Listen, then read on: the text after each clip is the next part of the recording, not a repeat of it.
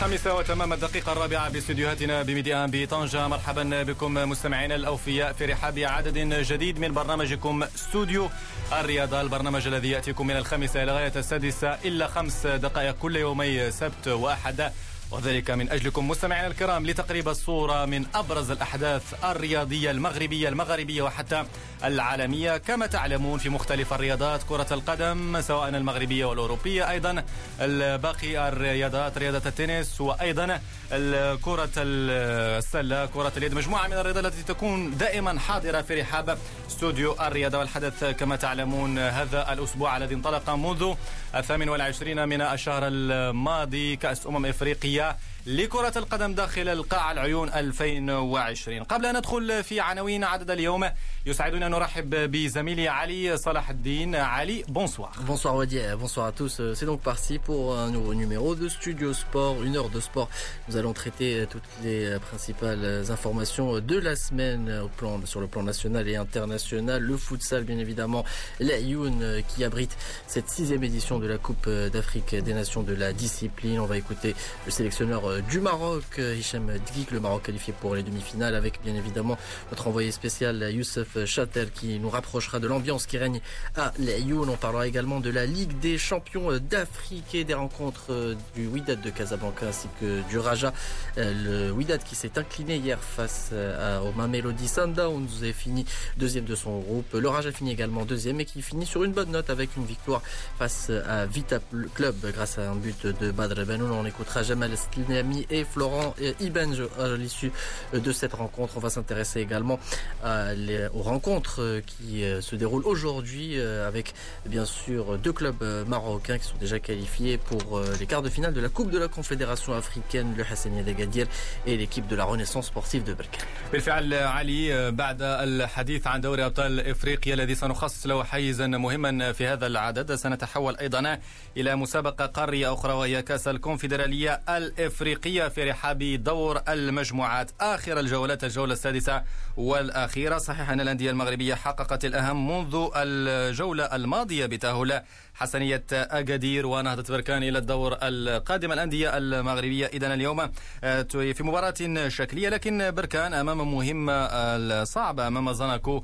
الزامبي على أرضية الملعب البلدي ببركان. والمراد هو الصدارة ضمان صدارة هذه المجموعة. في حين حسنية أكادير يلاقي في هذه الأثناء نادي بارادو من الجزائر الحسنية التي حسمت صدارة هذه المجموعة منذ الجولة الماضية بعد التعادل خارج الديار أمام إنيمبا النيجيري بهدف في كل كل شبكة الحسنية تلعب في هذه الأثناء ضد بارادو في حدود الدقيقة السادسة دائما التعادل السلبي من دون أهداف وفي مباراة غريبة علي انطلقت فقط قبل قليل ثمان دقائق وثلاثة أهداف في نفس مجموعة حسنية أكادير نيمبا نيجيري متقدم على سان بيدرو الإيفواري بهدفين لهدف واحد. هدف سجل في الدقيقة الثانية بعدها الهدف الثاني لنادي نيمبا في الدقيقة الثالثة ثم ثلاث دقائق بعدها شريف جيمو يسجل الهدف الأول لسان بيدرو في مباراة يعني يمكن القول بأنها بسيناريو مثير ومثير جدا. بقي المباريات إذا نواديبو الموريتاني يلاقي في هذه الأثناء بيراميدز دائما التعادل السلبي من دون أهداف. في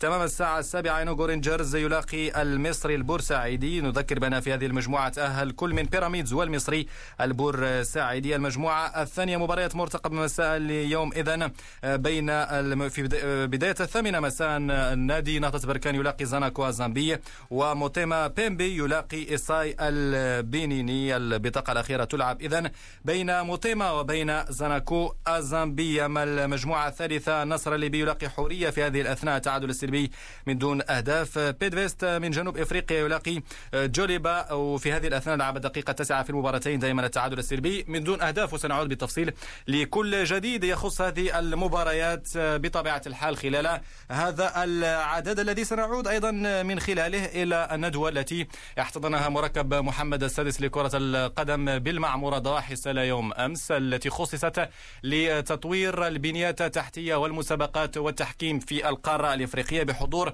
الفيفا ورئيسها وأيضا الاتحاد الإفريقي لكرة القدم وحضور العديد من الجامعات الاتحادات الإفريقية للحديث عن سبل تطوير منظومة كرة القدم الإفريقية. تم الخروج بالعديد من المقترحات والعديد أيضا من التوصيات سنعود إليها بالتفصيل مع العديد من ردود الأفعال دون أن ننسى علي أن نتوجه إلى القارة الأوروبية التي شهدت العديد من المباريات يوم أمس أبرزها ديربي مدريد بين الريال والأتليتي وانتهى بتفوق الميرينغي Le Real plus que jamais leader de la Liga après 22 journées, un succès face à l'Atlético, un choc.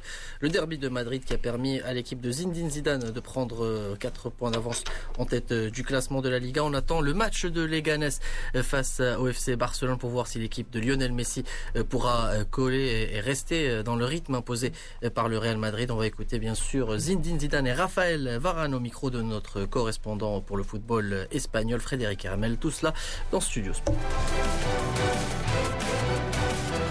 والمستهل علي كما ذكرنا بكأس أمم إفريقيا لكرة القدم داخل الصالات التي تجرى بمدينة العيون المغربية والتي يحضرها لنا زميل يوسف الشاطر مباشرة من العيون يوسف مساء الخير مساء الخير وديع. مساء الخير علي. مساء الخير لكل المستمعين الكرام وتحية طيبة للجميع من قاعة المسيرة وليس القاعة الرئيسية قاعة الحزام. اليوم مباراة غينيا وأنغولا تخطف الأنظار آخر المباريات الهامة في هذا الدور الأول. من سيتأهل إلى نصف النهائي؟ وسيلاقي المنتخب المغربي. نتعرف عليه بعد هذه المباراة التي تنطلق على الساعة الخامسة ونصف بقاعة المسيرة. بالفعل يوسف أكيد بأن المباريات المبرمجة هذا اليوم ستفرز عن آخر المتأهلين إلى المربع الذهبي والبطاقة محصورة كما ذكرت بين غينيا وأنغولا مع العلم أن مصر تأهلت سلفا وستلاقي رسميا المنتخب الليبي. دعنا بداية يوسف نبدأ بآخر المستجدات خاصة آخر المتأهلين لأن يوم أمس تأهل منتخب جديد إلى نصف النهائي الأمر يتعلق بليبيا.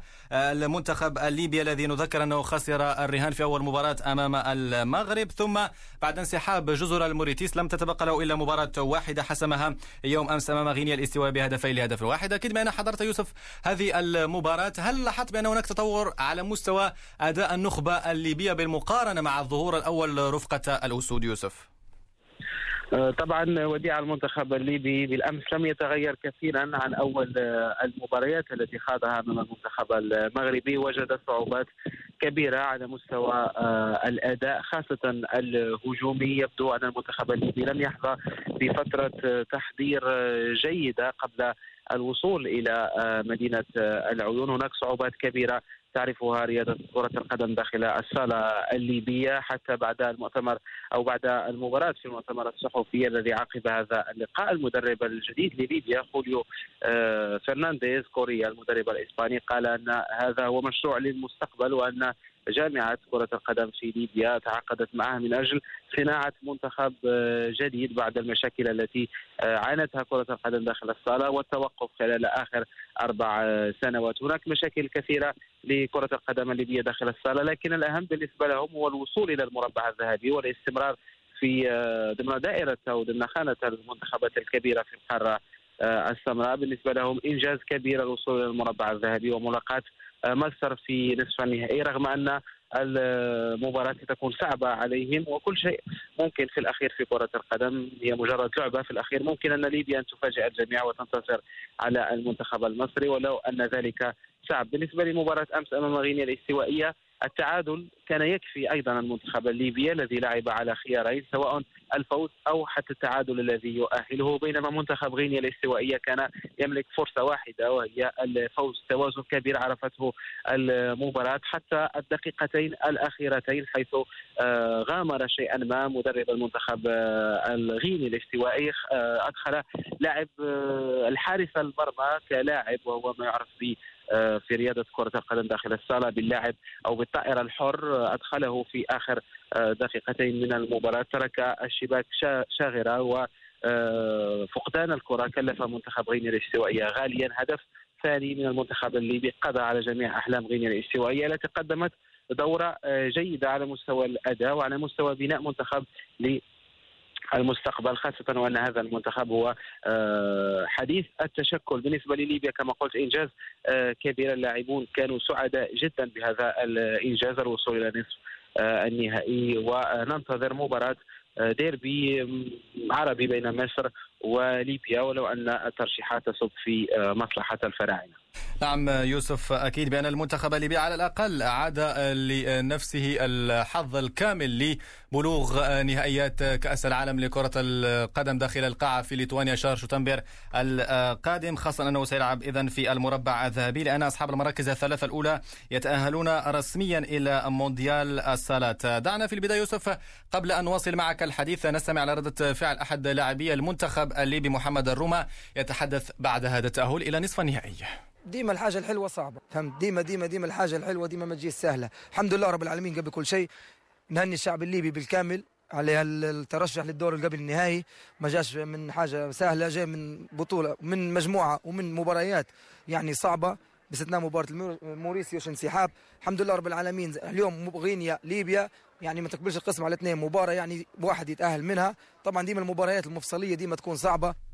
أكيد بأن مثل هذه المباريات تتطلب تركيزا عاليا وإمكانيات تقنية مهمة لضمان الحضور في المربع الذهبي. المربع الذهبي الذي سجل فيه أيضا حضور المنتخب المغربي حامل اللقب بشكل مبكر بعد فوزين متواليين. صحيح أن المنتخب المغربي لم يخوض آخر مباراة ضد جزر الموريتيس المنسحبة. آنفا يوسف نتحدث إذا عن المغرب الذي ينتظر في نصف النهائي سواء غينيا أو أنغولا. ماذا عن تحضيرات المنتخب المغربي للمربع الذهبي لأنه منذ مدة أكيد بأن الاستفادة من يوم إضافي إضافة إلى الراحة التي ربما كان يتمتع بها المنتخب المغربي. ماذا عن التحضيرات؟ كيف هي معنويات كتيبة هشام الدقيق قبل مباراة نصف النهائية المرتقبة يوم الأربعاء المقبل؟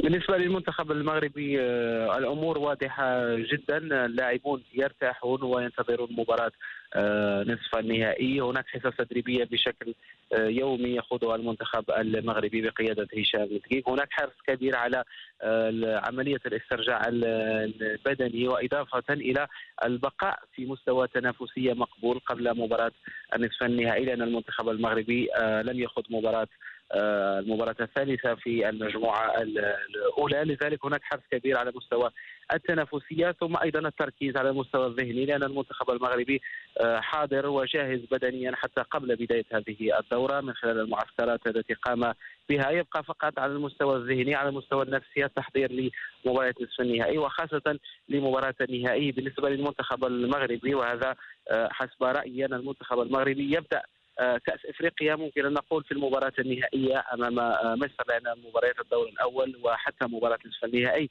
سواء أمام غينيا أو أيضا أمام منتخب أنغولا. الفائز منهما ستكون مباراة في المتناول بالنسبة للمنتخب المغربي لا أقول سهلة لكن في المتناول بالنسبة لهشام الدقيق بالنسبة لي المنتخب المغربي هناك جزئية هامة أنه في الدور الأول أشرك جميع اللاعبين وكان يقوم بتغييرات كثيرة خلال المباريات سواء المباراة الأولى أو الثانية. جل اللاعبين خاضوا دقائق خلال الدور الأول. لذلك هناك مستوى بدني مقبول على مستوى اللاعبين ليس هنالك عناء أو تعب كبير بخلاف بعض المنتخبات التي كليبيا التي عانت كثيرا ولا تملك الرصيد البشري الكبير لاشراك هناك ثمانية لاعبين يخوضون تقريبا جميع دقائق المباراة. بالنسبة للمنتخب المغربي تحضيرات في مستوى عالي. يعرفون ان أنهم يتمتعون بثقة الجميع هنا بدعم الجمهور الذي يساندهم. حتى في الشارع اليوم التقيت بعض عناصر المنتخب المغربي في بعض الشوارع في مدينة العيون يقومون بجولة لاستكشاف المدينة على أقدامهم. هناك راحة كبيرة وهي دلالة على أن المنتخب أجواء المنتخب هي جيدة جدا. ننتظر فقط الدخول إلى معترك النهائي ومباراة الحسم رغم أن هشام وديع في التصريحات يقول إن الهدف هو التأهل لكأس العالم. يريد ربما خفض نسبة الضغط على اللاعبين.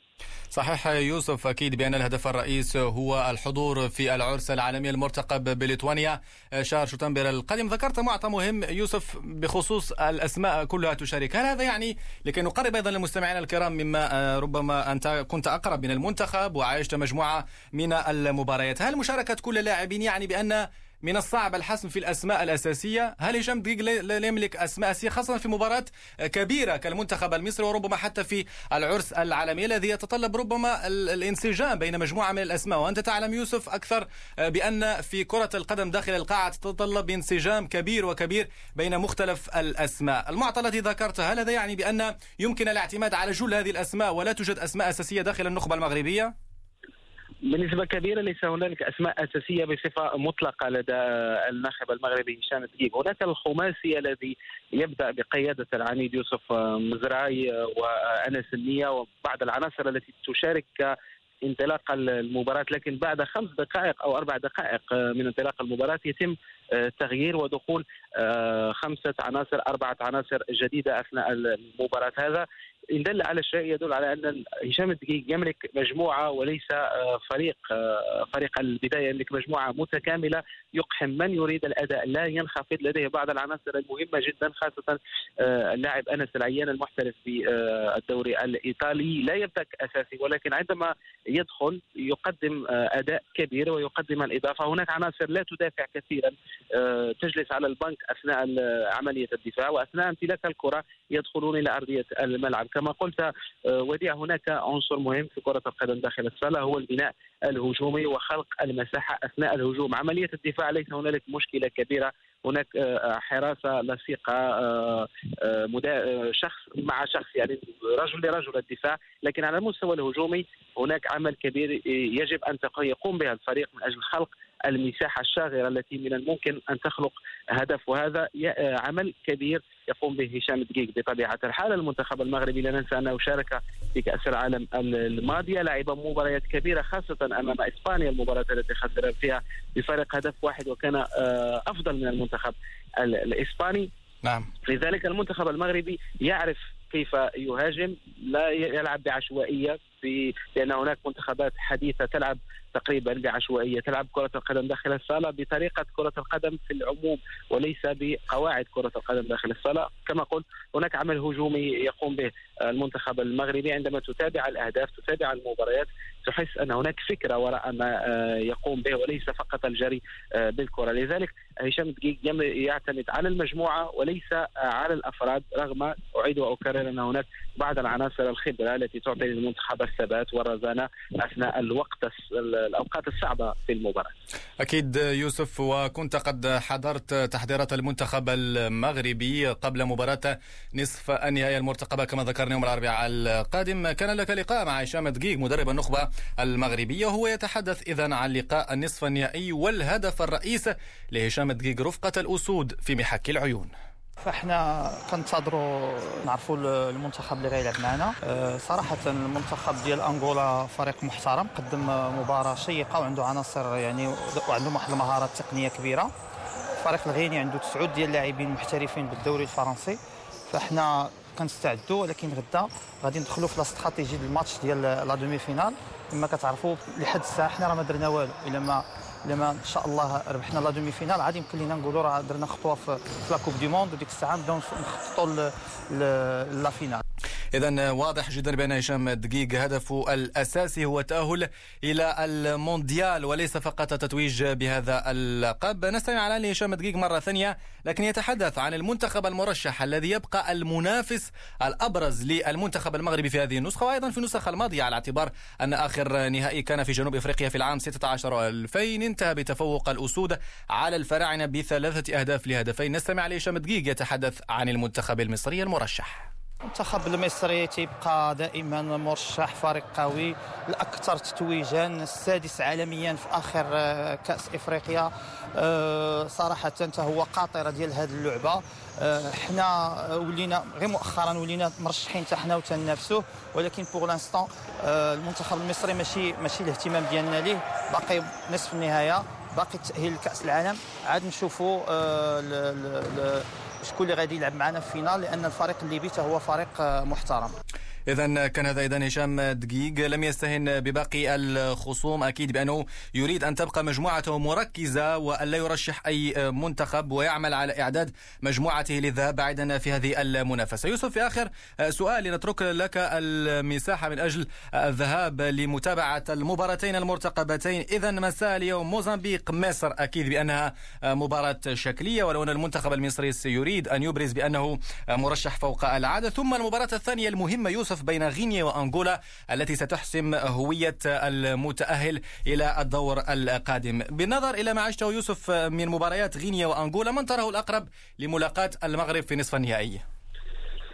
الوديع لا لا أقول ربما من الأقرب لأن المنتخبين هناك توازن كبير. منتخب الأنغولي ممكن أن نسميه بأنه مفاجأة الدورة على مستوى طريقة اللعب. منتخب متأثر بالمدرسة البرازيلية. هناك إمكانيات تقنية فردية لا بأس بها في هذا المنتخب. منتخب غينيا يشارك لأول مرة لكنه يملك ستة محترفين في الدوري الفرنسي. أربعة منهم في فريق واحد هو نونت الفرنسي. هناك رصيد بشري جيد لمنتخب غينيا لا بأس به. وأيضا لدى المنتخب الأنغولي هناك تقنيات فردية مهمة. سنتابع المباراة باهتمام كبير لأن الفائز سيواجه المنتخب المغربي. ولكن أيضا لأنها مباراة تعد بأشياء كثيرة على المستوى الفرجوي سواء غينيا أو أنغولا. هناك توازن كبير بينهما لذلك سنتابع ربما نسخة عن مباراة بالأمس مباراة غينيا الاستوائية وليبيا.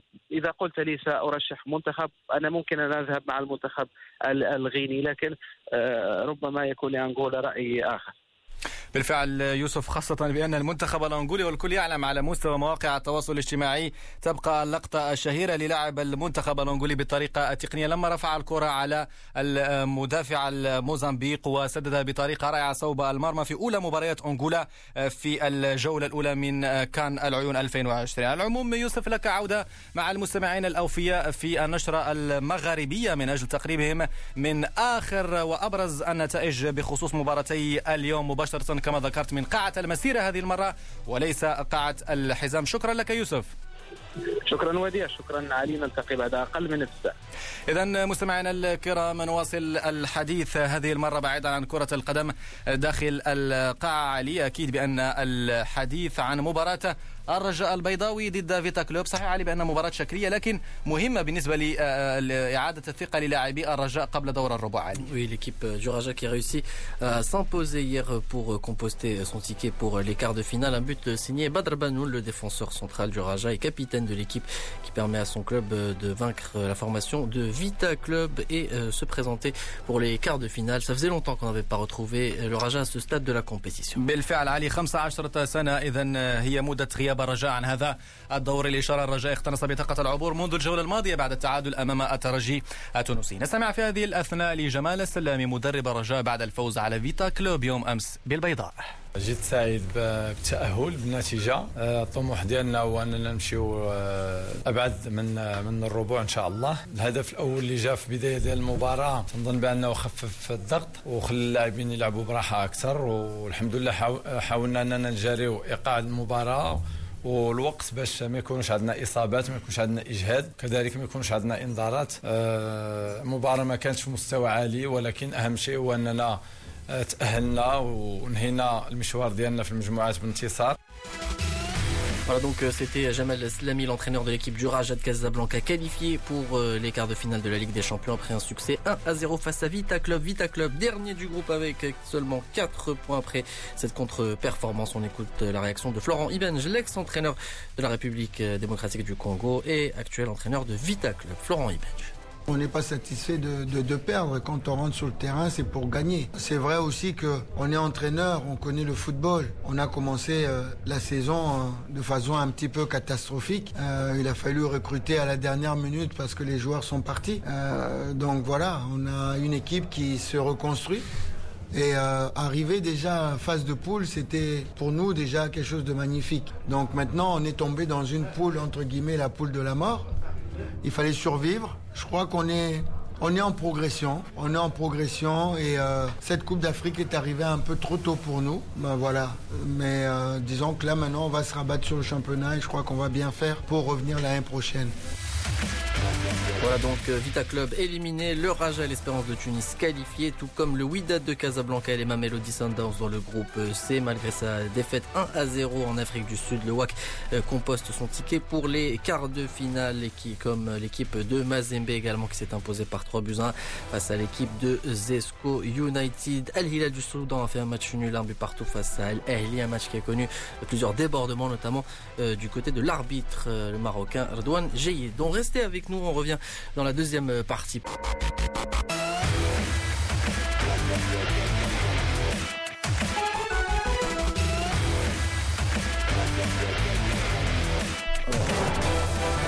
17h34 minutes à l'écoute de Média. Bienvenue à vous si vous venez de nous rejoindre. C'est la deuxième partie de Studio Sport et on continue de parler football, football en Afrique avec euh, bien sûr la Ligue des Champions, euh, le Raja de Casablanca qui a remporté son duel hier et qui s'est qualifié euh, pour les quarts de finale. Le Wydad également sera également de la partie. L'équipe de Mazembe également a composté son ticket, bien sûr, en plus du tenant du titre, l'Espérance de Tunis. بالفعل علي يوم يوم امس كان يوم للتعرف على هويه فريقين فقط لان الجوله الخامسة تعرفنا على هوية ستة فرق متأهلة منذ الجولة الخامسة. يوم أمس القمة النارية كما ذكرت. علي كانت في أم درمان بين الأهلي المصري والهلال السوداني وهي القمة التي انتهت بالتعادل الإيجابي. هدف في كل شبكة الأهلي صعد في الصف الثاني في المجموعة الثانية نجم الساحلي متصدرا لمجموعة الثانية. إذا بعد الفوز على بلاتينيوم الزيمبابوي بهدفين نظيفين. وبالتالي نجم الساحلي والأهلي يلتحقون بمازيمبي الزمالك. المجموعة الأولى ماميلودي سانداونز الوداد البيضاوي في المجموعة الثالثة والترجي الرياضي والرجاء البيضاوي في آخر المجموعة. للإشارة يوم الأربعاء بالضبط 5 فبراير الجاري ستجرى قرعة دور ربع النهائي. ولابد من الإشارة لأن ما يهم الأندية المغربية هو كيف ستكون القرعة. إذا سيتم وضع المتصدرين في المستوى الأول وبالتالي سيلعبون مع الفرق التي احتلت الصف الثاني. يعني أن رؤية ديربي بين الرجاء والوداد في الدور ربع النهائي بات مستحيلا وغير ممكن لكن قد نجد مباريات كبيرة وكبيرة جدا في ربع النهائي. على اعتبار كل هذه الأندية التي تأهلت هي أندية كبيرة في القارة السمراء يتصدرها المتوج بلقب ثمان مرات الأهلي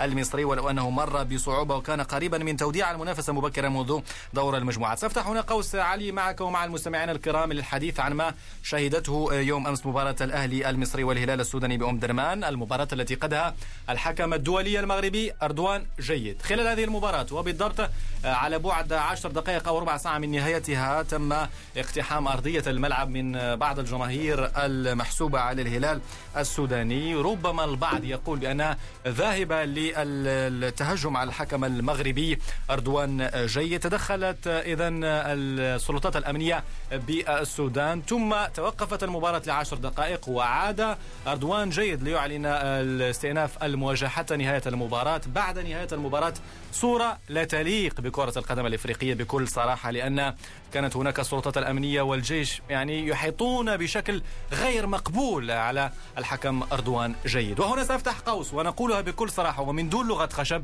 بأن أردوان جيد يدفع ربما ضريبة أولا يعني شحن الجماهير قبل بداية اللقاء من قبل مسؤولي الهلال السوداني وأيضا بعد المسؤولين في إدارة الهلال لأن تم شحن الجماهير على اعتبار أن أردوان جيد ربما ليس حكما في المستوى إلى غير ذلك مما قالوه قبل المباراة. لكن الحقيقة هو أن رضوان جيد يعتبر وهذه للأمانة من أبرز الحكام في المغرب بل أفضلهم ربما وأيضا حتى على مستوى القارة السمراء. نحن هنا لا ندافع عن رضوان جيد لكن ندافع عن كرة قدم تسود فيها الروح الرياضية قبل أي شيء آخر لأن التحكيم هو جزء من الرياضة جزء من كرة القدم ولا نريد أن نرى مثل هذه الصور. كما أن الجمهور المغربي مطالب بحماية حكامه داخل المغرب لأن ما وقع جيد سبقته العديد من الانتقادات في المغرب. صحيح أن الحكم قد يخطأ كيفما كان الحال ولكن طريقة الانتقاد طريقة ربما معاتبة الحكم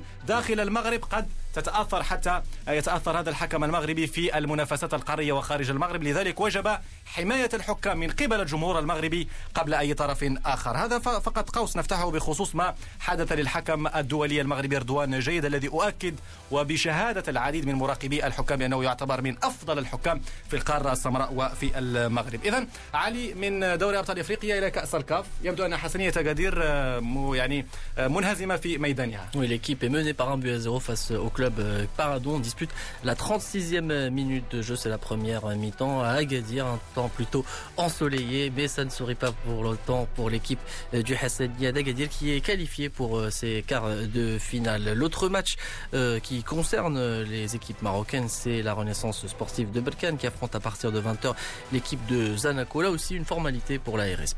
بالفعل علي النهضة البركانية التي تبحث للإشارة عن صدارة هذه المجموعة لأن لم تحسمها بعد صحيح الفريق البركاني حسم أتاه لكن لم يحسمه في الصدارة. الفوز أو التعادل مع زاناكو سيتيح له إذا يعني سيتيح له كما ذكرنا تصدر هذه المجموعة الثالثة. ثم أيضا في باقي المجموعات المصري البورسعيدي بيراميدز كما ذكرنا تأهل سالفا. أما حورية كوناكري فتأهلت هي الأخرى في انتظار من سيصعد هل النصر الليبي أم جوليبا؟ وفي المجموعة الأخيرة البطاقة متبقية. بين إنيمبا النيجيري وأيضا نادي بارادو الجزائري. على العموم علي نغلق صفحة المنافسة القارية وسنعود من فترة إلى أخرى بطبيعه الحال الحديث عن كأس الكاف. نذكر فقط علي بأنه جريت اليوم مباراة واحدة لحساب الجوله الخامس عشر من البطولة الاحترافية المغربية بين رجاء بني ملال ونهضة الزمامره انتهت بالتعادل هدفين في كل شبكة. Allez, on parle cette fois en Afrique, on reste en Afrique et plus précisément à Rabat, la capitale marocaine qui a abrité hier le séminaire sur le développement des compétitions et des infrastructures en Afrique, un événement qui a connu la présence de plusieurs personnalités, notamment le président de la FIFA Gianni Infantino, plusieurs débats à l'ordre du jour et durant ce séminaire, Fawzi Rja a également parlé des grands chantiers auxquels est confronté le football africain. Le président de la Fédération royale marocaine de football qu'on écoute. S'il y a deux ans, on avait un peu de temps pour réfléchir, pour débattre, il est aujourd'hui un impératif de réagir et d'agir sans qu'il y ait plus de pertes de temps, sans qu'il y ait de relâchement dans l'action, avec la détermination nécessaire, la bonne volonté des uns et des autres, conjuguée à l'expertise et malgré tout le potentiel dont on dispose, on est souvent critiqué de fragilité, pour ne pas dire de sous-développement et de blocage Si la situation est aussi difficile et vous en connaissez le, le, détail de notre football africain, le potentiel est là. À mon sens, le contexte est plus favorable que jamais. Voilà, donc euh, le contexte est plus favorable que jamais. Euh, le plus dur reste à venir pour le football africain. Long chantier attend euh, donc la Confédération africaine de football avec en tête Ahmed Ahmed qui est également présent à Rabat hier et qui a lui souligné l'importance des joueurs africains qui évoluent à l'étranger, l'importance pour eux de porter le maillot de leur équipe nationale et d'être dans les meilleures conditions afin d'offrir leur meilleur, le meilleur pour leur pays. Ahmed. C'est une excellente chose. Mais nous devons aussi veiller à ce que ceux qui restent dans le continent ne soient pas négligés en leur offrant un cadre sain et sécurisé. Il est important pour nos expartiers qu'ils ou elles jouent avec leurs équipes nationales sur le continent sans appréhension et en toute sérénité et qu'ils puissent y donner la pleine mesure de leur talent. Il est tout aussi important que nos compétitions locales, toutes tranches d'âge confondues, se déroulent dans des stades aux normes pour accueillir cette culture d'excellence et de professionnalisme qui nous a longtemps fait défaut. Nous ne pouvons plus revenir en arrière et voulons participer pleinement et efficacement dans les différentes compétitions mondiales. Voilà, c'était Ahmed Ahmed, le président de la Confédération africaine de football. On rappelle que ce séminaire a connu la présence du président de la FIFA, Gianni Infantino. Le patron de l'instance dirigeante du football mondial a émis le vœu que la Coupe d'Afrique des Nations ne soit jouée que quatre ans, tous, tous les quatre ans au lieu de deux ans. C'est une idée, selon le Suisse, qui pourrait permettre à cette compétition africaine de se faire une place plus importante sur le plan mondial. C'est une information qui a été qui longtemps discuté. Gianni Infantino euh, qui n'a par ailleurs pas mâché ses mots concernant la situation du football en Afrique. On l'écoute.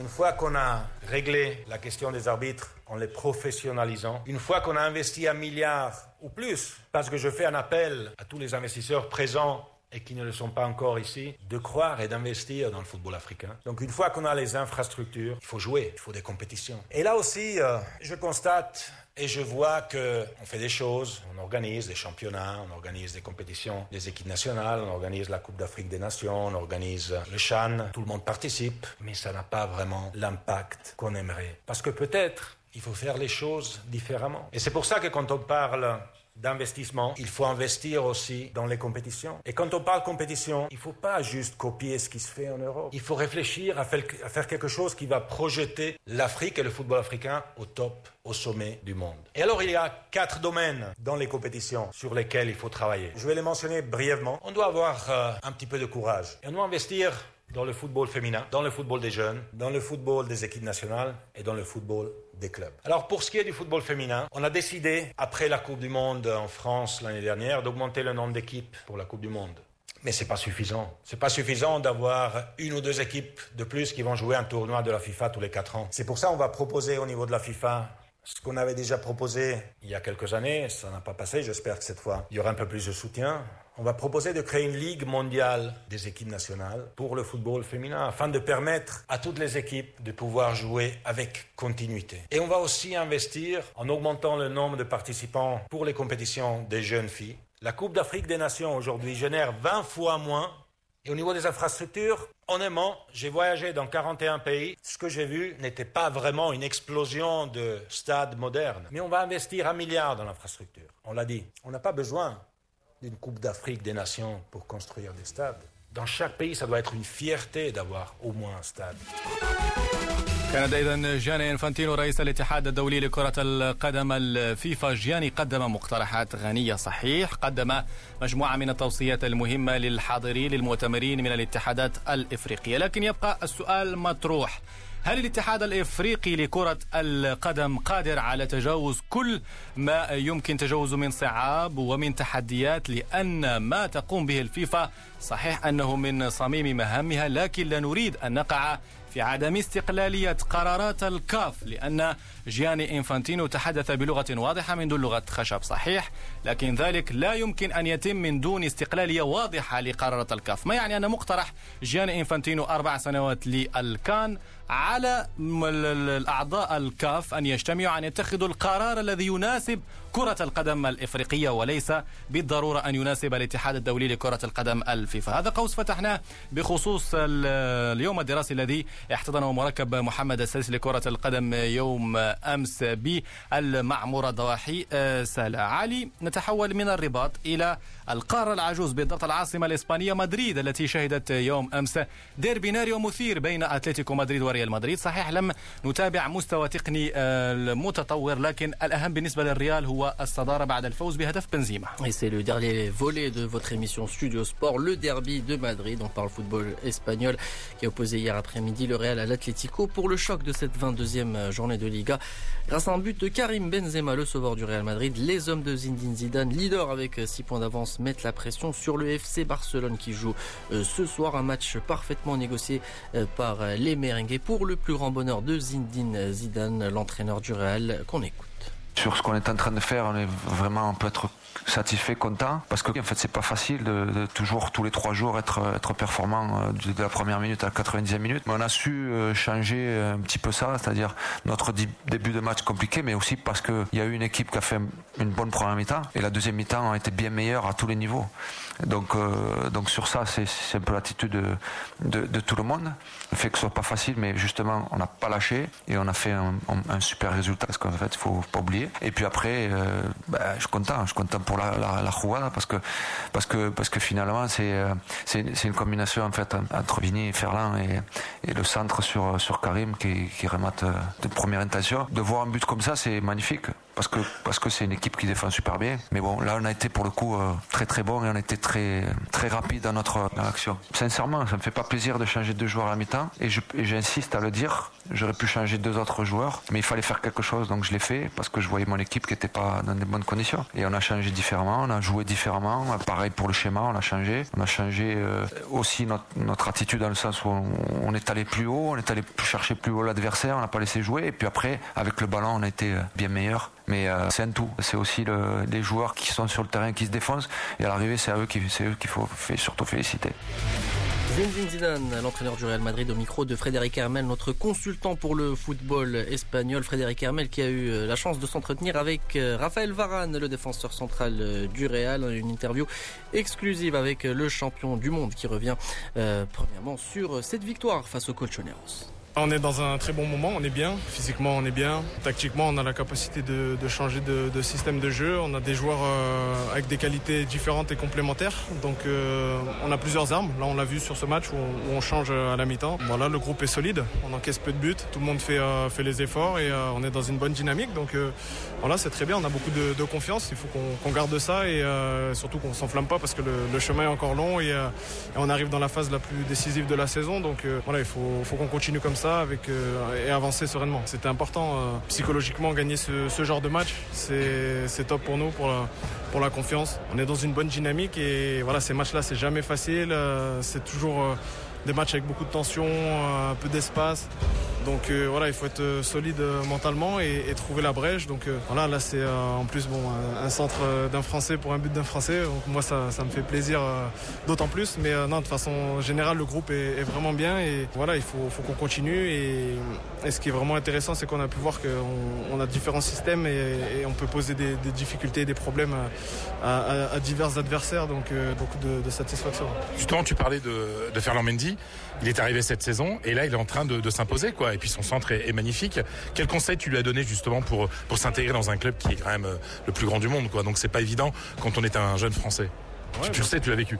Oui, je l'ai vécu. Euh, nous, on l'encadre bien. Après, euh, on fait en sorte qu'il se sente bien dans, le vestiaire, dans le groupe. Il parle pas encore trop espagnol, mais, euh, mais voilà, on, s'occupe, on s'occupe de lui avec, avec Karim notamment. Donc, non, c'est très bien, c'est très bien. Après, il est en train de confirmer son potentiel. Il a d'énormes qualités. Donc, voilà, son point fort, c'est défensivement. Après, il a un physique aussi qui lui permet d'enchaîner les efforts. Voilà, il fait, il fait du bien à l'équipe. Faut qu'il continue comme ça. En tout cas, il confirme tout son potentiel. Il y a un autre Français qui marque, c'est vous? Ouais. Qu'est-ce qui change Qu'est-ce qui a changé? Parce que cette année là, euh, c'est trois buts quoi. Ouais, c'était un de, un de mes objectifs euh, de, marquer plus de buts. Donc euh, j'essaie d'être plus, d'être plus incisif dans, mes déplacements dans, la surface adverse. Et, voilà, ça m'a souri sur, sur ce début d'année. Donc J'espère continuer à pouvoir aider l'équipe. En tout cas, euh, je fais le, je fais le maximum pour et euh, voilà, ça fait plaisir de marquer, donc euh, de, pouvoir faire basculer aussi des matchs. Et c'est important. On a j'ai cette qualité, on a cette qualité dans le groupe. On a marqué pas mal de buts sur sur coup de pied arrêté. Donc voilà, il faut, faut utiliser aussi cette arme-là quand, quand, on en a besoin et et c'est vrai que depuis le début de l'année, ça, marche plutôt bien. La saison dernière aussi, c'était un, c'était un peu normal d'avoir euh, une baisse au niveau euh, voilà, physique, au niveau mental, après autant d'années euh, à jouer pour tous les, plus grands titres, chaque saison, chaque match, tous les trois jours. Donc voilà, c'était aussi logique qu'il y a un moment donné où on a un peu un, coup de mou, un coup de moins bien. Et cette année, on a, pu, on a pu se reposer, on a eu des vraies vacances, on a fait une vraie prépa physique où on a bien bossé. Et voilà, on est revenu voilà, plus frais et, ça nous permet d'être bien, d'enchaîner et de voilà d'être bien dans notre saison. Et euh, voilà, on va, on va essayer de, continuer comme ça. En tout cas, on va tout faire pour, pour arriver dans, dans les meilleures conditions possibles dans le sprint final et voilà, tout donner euh, jusqu'à la fin de saison. Raphaël Varane, le défenseur du Real Madrid au micro de Frédéric Hermel au sujet de cette belle victoire euh, du Real face à l'Atlético Madrid. Les Merengues sont leaders de la Liga avec 6 points d'avance sur le FC Barcelone, les Catalans qui jouent ce soir face à Levante. Un tout dernier mot de tennis avant de vous dire au revoir pour rappeler la belle victoire de Novak Djokovic aujourd'hui euh, en Australie. Il a remporté sa finale face à Dominique Thiem en 5-7 et 4 heures de jeu. Djokovic a décroché euh, son 17e titre du Grand le huitième à Melbourne à l'occasion de l'Open d'Australie. Il a été mené au score et très nerveux durant ce match. Le Serbe s'est retrouvé au meilleur moment des euh, deux dernières manches. Tim échoue lui pour la troisième fois en finale du Grand Chelem. Djokovic fonce vers les légendes du tennis. Il n'est plus qu'à deux Grands Chelems de Rafael Nadal et trois de Roger Federer. Voilà, c'est avec le tennis que se termine cette émission de Studio Sport. Merci d'avoir été à l'écoute. Excellente soirée à l'écoute des programmes de médias.